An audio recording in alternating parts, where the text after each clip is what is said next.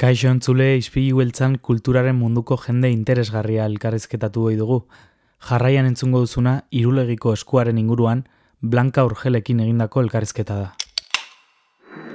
Ikusi da nola lan egin behar duen arkeologoak, erakutsi digute e, zintzotasun, garbitasun eta prozedura guztiak betez lan egin dutela. Eta hori da bermerik onena, onelako piezen balioaren e, zati izugarri bat da haiengan jarri dezakegun konfidantza. Ispilu beltza, Donostiako kulturaren berri, Oyer Arantzabal eta Kristina Tapia Buizirekin. Gaur Blanca Urgel, EHUko filologa eta euskaltzaina dugu Donostia Kultura Irratian, azken egunotan irulegiko eskuaren berri izan dugu eta aditu gazteizarrak gonbidatu dugu gaur gaia hobetu ulertzeko ea laguntzerik daukan. Egunon Blanca zer modu zaude? Egunon, oso ongi.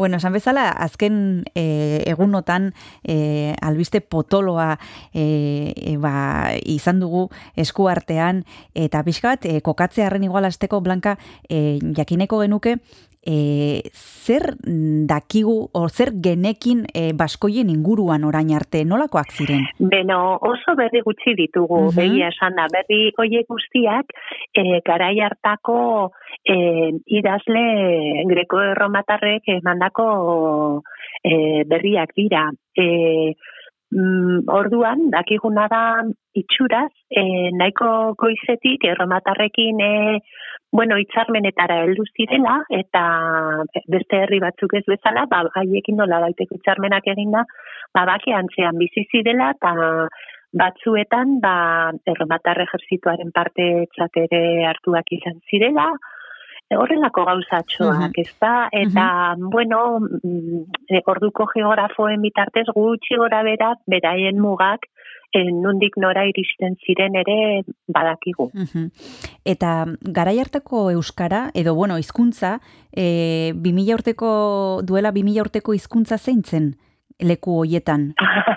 Hori jakin nahi du, eta, bueno, e, printzipioz gure, gure hipotesi, zero hipotesia, ez da, e, e, ziurtasunik ez dagoenean erabili behar den hipotesirik errazena, izango litzateke, e, e, inguru horretan, baskoiak bizi ziren inguruan, e, Euskararen arbazo batez hitz egiten zela.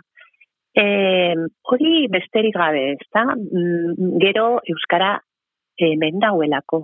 Baina horrezaz gainera baditugu lekukotasun ez oso onak, baina bai oso argiak horren alde. E, lekukotasun gehienak Pirineoen bestaldean daude, Akitania deitzen zen e, lurralde zabal hartan, Garona ibaiak, Pirineoak eta itsasoak marrasten duten triangelu horretan. Ana hartzen zaizkigu erroma garaiko e, harrietan, naiz latinez idatzita egon, e, akitaniarren izenak eta izen hoietako batzuek e, oso ezaguarri bereziak dituzte. Hain nun labur esan da, e, pentsatzen dugun, islatzen dutela akitaniera deitzen dugun hizkuntza hura, eta akitaniera hura e, gure euskararen arbaso mota bat zela seguru. E, ja, zerbait errazago esaten dudan. Ez dakigu, baina, ez, ez genekien baina, ez dakigu, ia akitaniera hori izan gure euskararen amona, edo gure euskararen eh, amonaren aizpa nola baita esan da. Bale? Eta gero, gero eta gehiago, lehenengoz mila beratziren da iruro gehian, e, Nafarroan, lergan agertu zen lehenengo idazkun, lehenengo inskripzio akitanierazkoa. Akitanian arkitutakoen oso antzekoa, bere ez, ez zaugarri linguistikoen gatik. Eta e, inskripzio horretan ere ikusten ziren euskararen antzeko gauzak. Lehenengo izena da umezar eta ba igual Donostian edo Gipuzkoan ez da in, e, ezaguna baina Bizkaitarren zat adibidez umea gaur egun e, aurra izateko modu normala da. Eta beraz umezar esan naia ez dugu oso argi, ez da, bazegoen orduan, gizon bat ziurrenera, e, ziurrenera gabe ze filio agertzen da semea, ez da, gizon bat e, umezar deitzen zena, bale? Atxe eta guzti, eh? Mm batuaz bezala. eta eta orduan, ba horrela ziren, ez da, ba, egualdean ere, akitanieraren lekukotasunak daude. Baina gero eta gehiago agertu dira, gutxiala ere, eta e, berezitasun batzuk dituzte. Horregatik hasi ginen, e, korrotxategiren lanei jarraikiz, e, baskoierari buruz hitz egite, baina oso gutxi dakigu, oso gutxi denekien orain. Mm -hmm. Eta ze pentsatzen zen e, Blanka beraien komunikatzeko moduaren inguruan, ze entzun izan dugu egunotan e, ez zutela idazten, e, bakarrikan e, ba, modu oralean e, komunikatzen zirela, e, hori orain arte pentsatu da, baino ezakite ziur ziur hori horrela izango zen edo badaki zuen? Bueno, e, hori izan e, lehen zero hipotesia zitze egin dut, ba, orain honetan ere zero hipotesi bat geneukan, ez da? Nola, ez den, batere idazkirik aurkitzen, e, etzen batere idazkirik aurkitzen aldatu dezagun e, eh iraganera. Bai. Eh eh etzen idazkirik aurkitzen erromatarrak ona etorri arte pentsatzen genuen agian e, hoiek pertsona hoiek ez zutela idazten ikasi erromatarrek erakutsi zieten arte. Vale? Hori normala da Europako iparraldean. Eh bueno, eh salbuespen batzuekin idazkeraren e, idazkeraren mugimendu gehienak e, mediterraneoaren ertzetan eman dira. Feniziarrak e, omen dira lehenengoa, baina badakigu greziarrak, etruskoak, e, iberiarrak, horrelako kultura askok, batetik bestera e, idazkera aldatuz eta egokituz, beren idazkerak garatu zituzten mediterraneoaren ertzetan. Kutsatu bezala egin hmm, ziren, hmm. ez da, idazten ikaste, ikasi zuten horrela. Hmm. Eta, bueno, ba, mugimendu hori, etzan errazki heldu asko zazere, iparralde dago, eta pentsatzen genuen, bueno, gu urrutitxo gaude e, Kataluniaren itxasertzetik, ez da, han bai, baina hemen, bagian, e, kostata baino etzan heldu horrelako mugimendu mm, kulturalik, mm, eh? eta ez hitza egun ainarri mm, Bueno, orain deskubrimentu bat egonda eta gian hori guztia eh, aldatuko da, baina orain bertan jarraituko dugu Blanka Orgelekin hitz egiten, tartetxo bat hartuko dugu, eta segituan gara bueltan.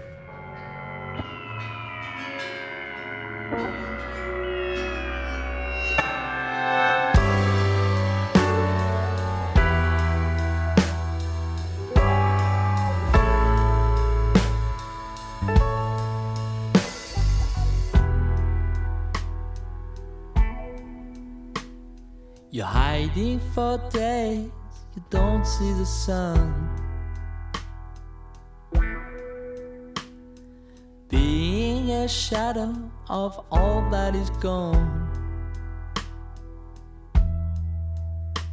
It's sharp and hard to own what is dying. A price on good that knows what is buying.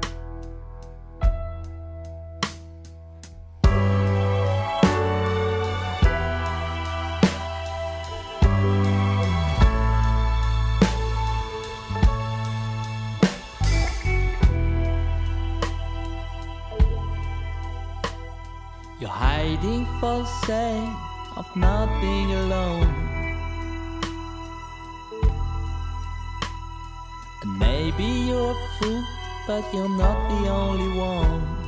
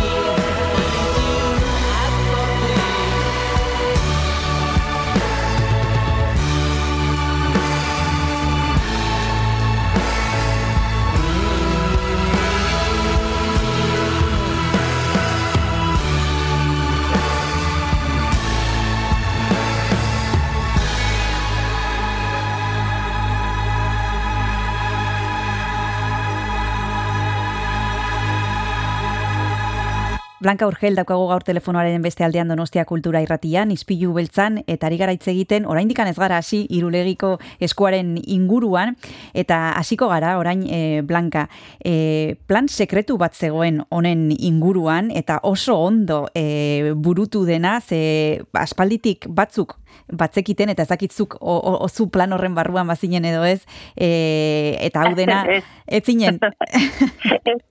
Gurekin batera enteratu zara Bai, bai, gorrotzategi gure taldetik, eh, Joaquin gorrotzategi mm bakarrik zegoen eh, konfu, konfabulazio txiki horretan, eta benetan egonda isili-isilik eta suposatzen dut askotan mingaina hainkatzen egon bai, zala bai. esateko, oh, izugarrizko ilusioa dauka, eta izango zuen hasieratik norbaitekin komentatzeko gogoa, baina bai. ezin zuen, bueno, egin. Denak oso txintxo, e, zuetzien plan mm. horren barruan, Blanka, baina ze pentsatu zenuen albistea jakin zenuenean? Ze pasatu zitzaizun burutik? Uf, e, bueno, e, ez dakit, ez que, ba, ba hmm. txute bat, mos, moduko zerbait da, ez? E, espero ez duzun gauza bat denez, eta hain garrantzizkoa denez, ba hori lehen esan dugunez, uste genuen, jakintzaten baten genuen, da, bueno, ba, ez dutela idazten. Eta ez genuen nion inora ere espero horrelakorik egotea. Uh, eta bapatean e, erabat okergen dela eta ze ondo, ez da, okergen den horretaz konturatzea, ba, zoramena izan mm. zen, oso, mm. oso, oso, berezia, oraindik ere mm. ez ditan nago, eh? Mm. Zakit nabaitzen den, bai, bai, bai. Bai, e, nik hemen, e, txan, e, komentatzen, e, pentsatzen un jo, e, denontzat izan da e, izugarri albistea, ez? Baina adituentzat bereziki pentsatzen dut horrelako aurkikuntza bat e, izan behar dula, zerbait oso oso berezia, e, ze posible da zure bizitza guzian horrelako gauzarik ez ezagutzea. Eta bueno zorionez e, orain izan dugu honen berri e, goazen hasieratik kontatzera blanka zer aurkitu dute irulegin? Zer buruzari gara? Bueno e, e, berez e, testuinguruan ipintzeko e, irulegin e, bazekiten lehenagotik e, brontze aroko e, erriska badagoela eta a, ba e, duela urte bete hasi ziren erriska hori induzkatzen, ezta? Ba, e, lurra erakatu eta zerateretzen zen ikusten. E, hasi ziren e, alako leku batean dauden bi etxetatik. Eta orduan etxe bi hoietako baten atarian, e, bueno, etxe hoietan gauza asko topatu hemen dituzte, ze itxuraz, e, garai hartako gerrak zirela eta etxea erre egin zen eta erretxearekin batera ba orduan antzeuden gauza guztiak edo gehienak e, bertan estalita gelditu ziren. Orduan agertu dira ceramikak eta bueno, ez dakitzen bat gauza gehiago. Eta olako gauzak poliki-poliki ateratzen zijoa zela e, aurkitu zuten hasieran e, gerrari baten kaskoaren egaltzo bat izan zitekela pentsatu zutena. Gure entzuleek agian asterik ezagutzen dute, bai. bai. Asterizen kaskoan bi egaltzo daude, belarri bakoitzaren gainean, ba, hasieran pentsatu zuten horrelako zerbait izan zitekela. Da, e, lurrak nahiko e, zikinduta zegoen eta badakizue, ba, lurra lurraspian egon da inbeste mendetan ba atxikia zegoen lurra. Eta ez dute ikutzen e, sartzen dute gainerako gauzekin batera bueno prozedura guztia egiten dute eta hori iristen da Nafarroako gobernuaren e, ondare zerbitzura. Da alako batean langile bat hasten da garbitzen e, ez da zer den berak ere eta ikusten du eskerretik hasita e, ikusten hasi da azten da garbitzen eta ikusten hemen ditu puntutxu batzuk eta alako batean konturatzen da puntuak ez direla paingarriak baizik eta letrak, bueno, zeinuak, ez da letra txatartuko genituzkenak. Eta, bueno, ba, hortik ez dira, gero behin ondo garbituta gero konturatu ziren benetan esku dela, eskuaren tamaina ere badu, eta kontua da eskuaren aurrean e, ba hori, e, lau lerro dituela idatzita, Iberiar idazkeran. Iberiarrek erabilioi dituzten zeinuekin egin da.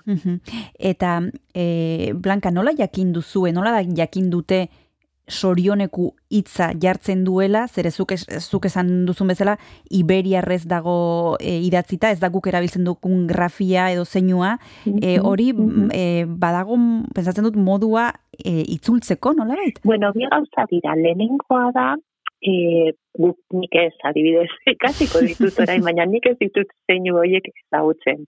Baina e, badaude adituak noski, iberieran, eta horiek, baguk e, gure letrak bezain ondo irakurtzen dituzte e, iberiarren e, zeinu horiek.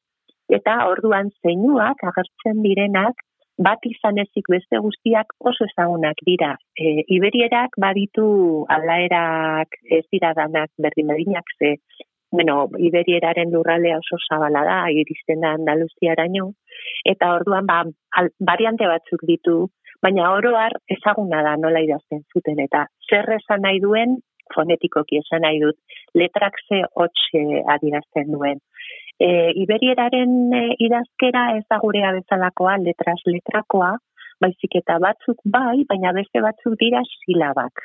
E, a, kakekikoku, tapetitotu, oiek e, silabak dira. Baina ezagunak dira, orduan irakur daiteke. Bai?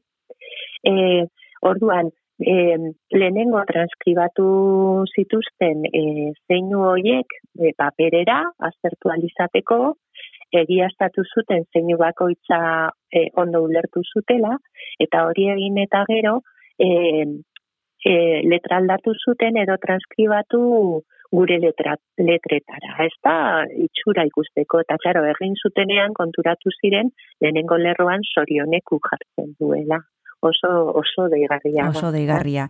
Eta orantxe bai. itzuliko gara blankarekin, ze galdetu behar diogu sorioneku hitzorren inguruan, eta gainontzeko e, lerroen inguruan ere, ze hoiek ere oraindikan e, hor daude, ez dakigu zer jartzen duen, baino galdetuko diogu blankaria ber, noiz jakingo dugun e, zer jartzen duen. Orantxe bertan itzuliko gara.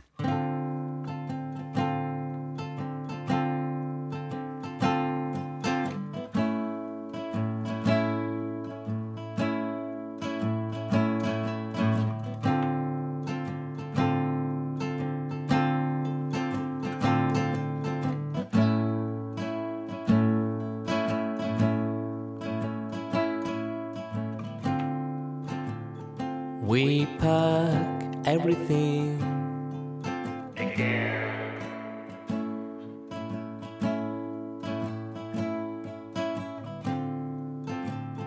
Cause we've gotta go again.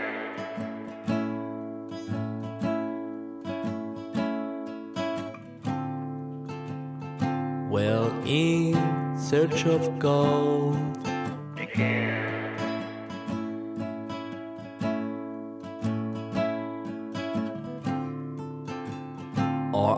gonna fall again. again. Just like in salad days, days. Again.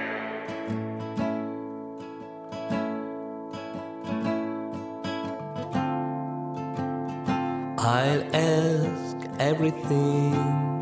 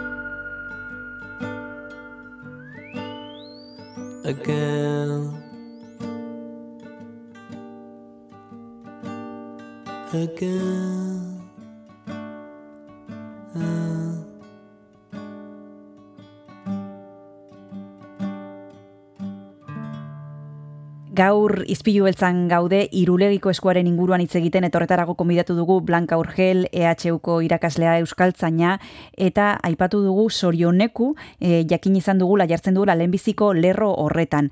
Ze suposatzen du hitz horrek e, Blanca e, e, zure filologia aldetik, historia aldetik oroar e, ze, ze suposatzen du aurkikuntza honek? Bueno, eh, uste dut importantea dela jakitea beti hipotesi ez hitz egiten ari Mhm. garela. Eh, eh, orduan, datu hoietatik hasiko naiz oraingoan. Mhm. E, datu bezala esan dezakegu, e, sori, horra agertzen den lehenengo zatia, e, akitaneran ere aurkitzen dugula. Beraz, nahiko egiantzekoa da, sori, e, hiru sori hoiek, gurea, akitaniarrena eta irulegikoa, agian hitz bera direla. On ere agertzen da baskoien izenetan. Beraz, bikain ez da, sorion. Eta e, testinguruak ere laguntzen digu interpretazio hori egiten, ze eskua, esan dugu, ez da, zulotxo bat du eskuak e, goikaldean, zintzilik egon zen seinale. Eta orduan ematen du, etxe atarian jartzen, zer, e, jartzen zen zerbait zela. Horrelako gauzak, gure oraingo eguzkiloreak bezala, edo etxeari babesa emateko, babes magiko bat, ezta? Edo bueno, logikoa den bezala bizitariari ongi etorria egiteko jartzen dira. Eta orduan, testimuru horretan, ba, sorioneku, edo sorion, edo horrelako zerbait egotea, ban oso egokia dirudi, ezta? Ematen du logikoa dela. Alde horretatik, oso pozik gabe, ematen du ulertzen dugula hasiera eta ondo ematen duela testimuru horretan. Arazo otxo bat daukagu, eta da, hori zergatik esan sorioneko, Hmm. eta hori azaldu beharko genuke, Mhm. eta oraindik ez dakigu azaltzen. Hau da, Mm. ez, ezin da esan, ba, u hobi urtuko zan, edo Hmm. horrelako zerbait, Mm. ze ez dago arrazoirik, ez dago motiborik hori horrela izan dela pentsatzeko. Eta, eta ba, e, bueno, hasiera oso ona da, arazoa da, gero urrengo hiru lerroak erabat ilunak direla Bai, bai, bai. horren inguruan e, galdetu nahi nizun Blanka, ze gero hiru lerro gehiago daude, e, sorioneku hitzaren azpian, eta ez dakit e, jakingo aldugun zer jartzen duen, eta noiz izango den hori. Ai, ama, ba, dago esaterik. Bi, bi, bi ideia bakarrik. Lehenengoa da, gaur goizean, e, ja, e, irulegiko induzketaren e, zuzendariak, e, e, berrian eman duen e, elkarrizketa batean, izen, e, titularra zan, e, ziur daudela gauza gehiago eta gehiago arkituko dituztela, eta claro, gu danok otoitz egiten ari gara testu gehiago. Orduan testu gehiago agertuko balira, agian errazago izango litzaiguke jakitea zezan nahi duen ondokoak, ez da? Konparazioz, bueno, testu gehiago eta errazago.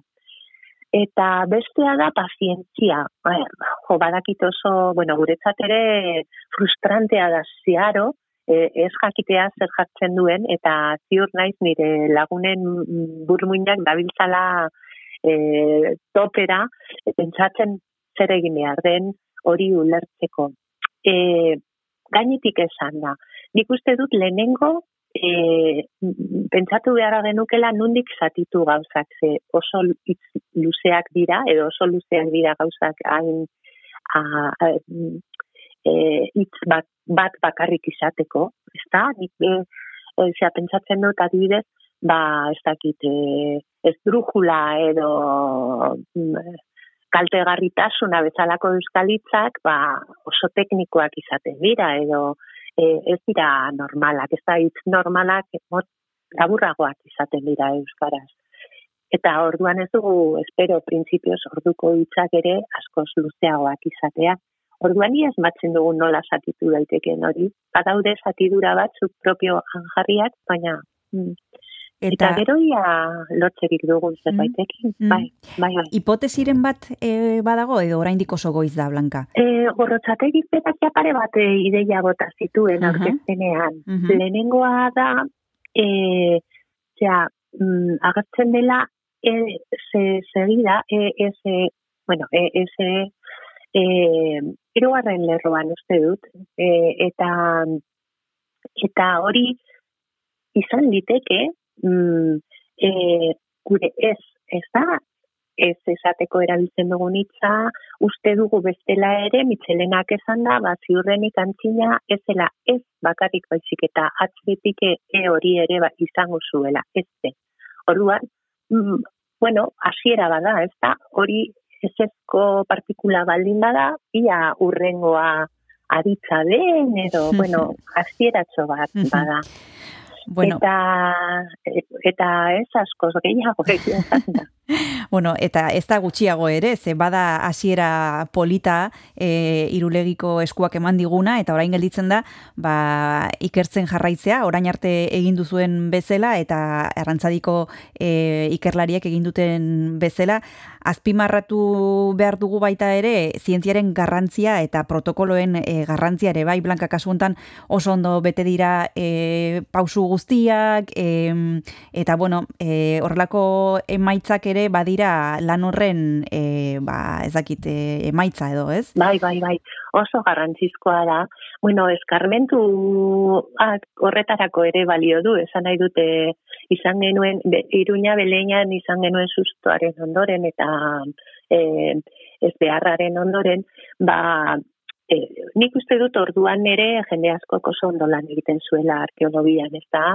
Baina, bueno, orain e, ikusi da nola lan egin behar duen arkeologoak, e, bai arantzari taldekoak, e, bai Nafarroako gobernuko ondarekoak, erakutsi digute e, zintzotasun, garbitasun eta prozedura guztiak betez lan egin dutela. Eta hori da bermerik onena e, onelako piezen balioaren e, zati izugarri bat da haiengan jarri dezakegun konfidantza, noski. Bueno, ba, adituen zain gelditzen gara, zuen aditu, zuen zain blanka, haber, e, iru lerro oiek edo, edo gehi agartzen diren e, gauzen e, e, itzulpena egiten diguzuen. E, eskerrik asko, izpilo beltzara urbiltzeagatik eta bezarka da bat, urrengor arte. Eskerrik asko zuen honetaz hitz egiteagatik. Agur. Urrengor arte.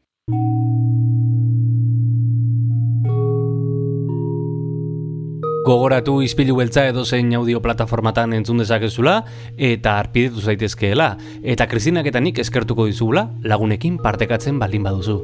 Agur!